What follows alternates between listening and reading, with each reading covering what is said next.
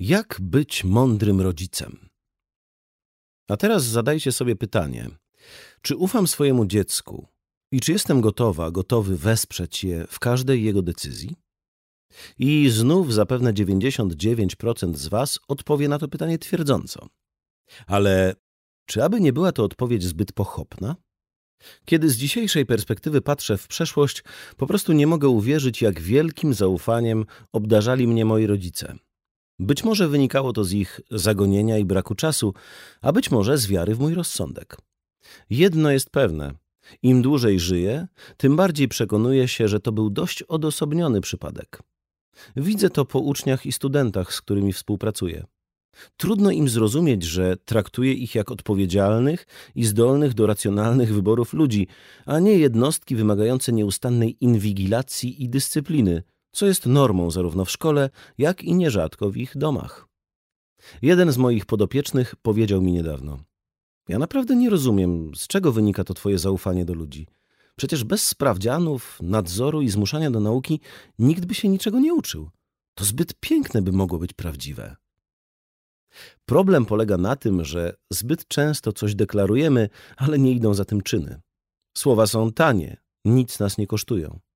Czyny wymagają działania i konsekwencji, a to już trudniejsze. Moi rodzice zawsze powtarzali mi, że mam ich pełne wsparcie w każdym pomyśle na życie i nie rzucali słów na wiatr. Kiedy w siódmej klasie podstawówki razem z kolegami ustaliliśmy, że zakładamy kapelę, rodzice nie tylko kupili mi pierwszy zestaw perkusyjny, lecz także pozwolili ćwiczyć całemu zespołowi na strychu naszego domu, dzielnie znosząc wielogodzinne próby w piątki i soboty. Nie sposób przecenić waszej roli w życiu waszych dzieci. Jesteście pierwszymi nauczycielami, ale i przyjaciółmi, na których wsparcie mogą liczyć w trudnych chwilach. Jednak życie to nie bajka. Moje relacje z rodzicami były bardzo burzliwe. Kłóciliśmy się, nierzadko padały mocne słowa, ale koniec końców mogłem liczyć na ich radę, a nie nakaz albo zakaz. Do dzisiaj słowo szlaban znam tylko w teorii, bo nigdy czegoś takiego nie doświadczyłem. Często natomiast słyszałem: Zrób jak uważasz, to twój wybór, my będziemy cię wspierać. To dało mi odwagę, która pozwala walczyć o to, na czym mi zależy. A jak jest w Waszym przypadku? Dlaczego rodzice są tak ważni w edukacji?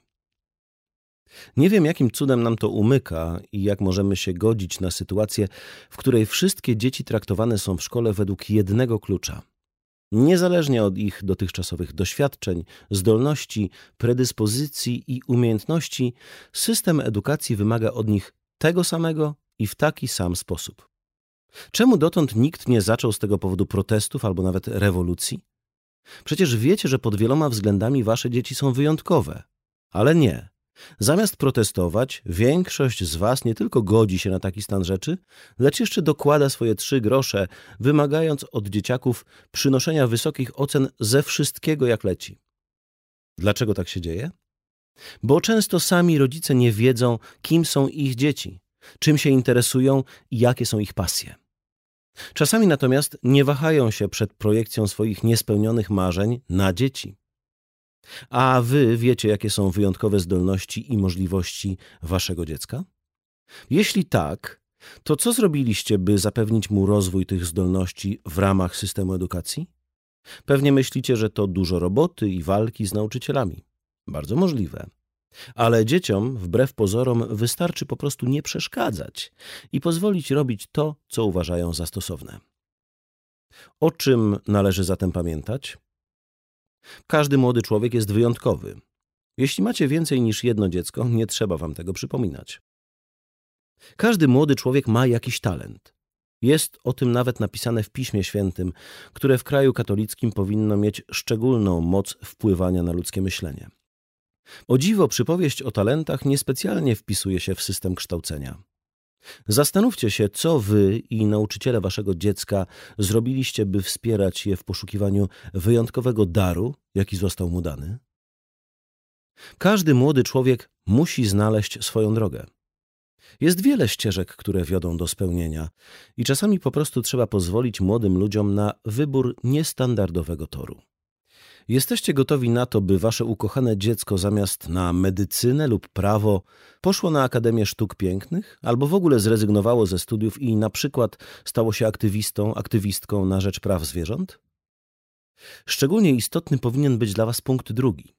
W moich rozmowach z młodymi ludźmi często pojawia się przekonanie, że tylko niektórzy z nas obdarzeni są talentem.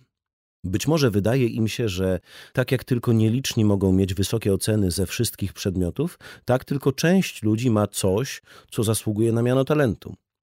Albo po prostu nikt nigdy nie próbował dostrzec ich zdolności i zdolności młodych ludzi wokół nich. Niemniej to błędne przeświadczenie, z którym od lat dzielnie walczy Ken Robinson. Koniecznie przeczytajcie jego książkę Uchwycić żywioł o tym, jak znalezienie pasji zmienia wszystko. Autor przytacza w niej zwykłe, niezwykłe historie nierzadko przypadkowego odkrywania talentów przez wielu ludzi, takich jak Paul McCartney, Paulo Coelho czy Meg Ryan. Powiecie, no dobrze, ale to szkoły traktują wszystkich jednakowo, a nie jak jednostki. Wyjątkowe pasje i talenty uczniów umykają więc nauczycielom, a nie nam. Jasne. Możecie mieć im to za złe, ale jeśli to nie wy będziecie walczyć o swoje dzieci, i pomagać dostrzec ich zdolności, kiedy młodzi ludzie nie mają głosu i możliwości wpłynięcia na nauczycieli i szkołę, to kto ma to zrobić? Kiedy byłem w szkole podstawowej, uwielbiałem swojego tatę za to, że zawsze brał mnie w obronę przed nauczycielami. Gdy narzekali, że razem z moimi kolegami gramy w RPG na lekcjach, on twierdził, że to rozwijające gry. Na pewno bardziej od mechanicznego uzupełniania ćwiczeń. Trzy role: nadzorca, helikopter i towarzysz. Słuchając ludzi, można odnieść wrażenie, że coraz mniej wierzą w lepszą przyszłość. Częściej natomiast w ich słowach pobrzmiewa nostalgia. Dawniej to było. To jednak nie odnosi się do dzieci. Założę się, że każdy z Was myśli o ich przyszłości i chcecie, by miały lepiej niż Wy. Czasami aż za bardzo. Gdy tylko się urodzą, myślicie o przedszkolu, a gdy już do niego pójdą, planujecie studia, prawda? A gdyby tak nie nadzorować ich nauki, bo mają się dostać na wymarzone przez was studia, tylko spędzić z nimi czas, by nie czuły się samotne? Często jest tak, że mimo waszych dobrych intencji, wasze dziecko otrzymuje taki przekaz. Liczy się dla nas twoja przyszłość, a nie teraźniejszość. Tu i teraz odpowiada za ciebie szkoła. A przecież młodzi ludzie, zupełnie tak jak wy, potrzebują uznania i docenienia. Ważna jest też dla nich rodzicielska lojalność.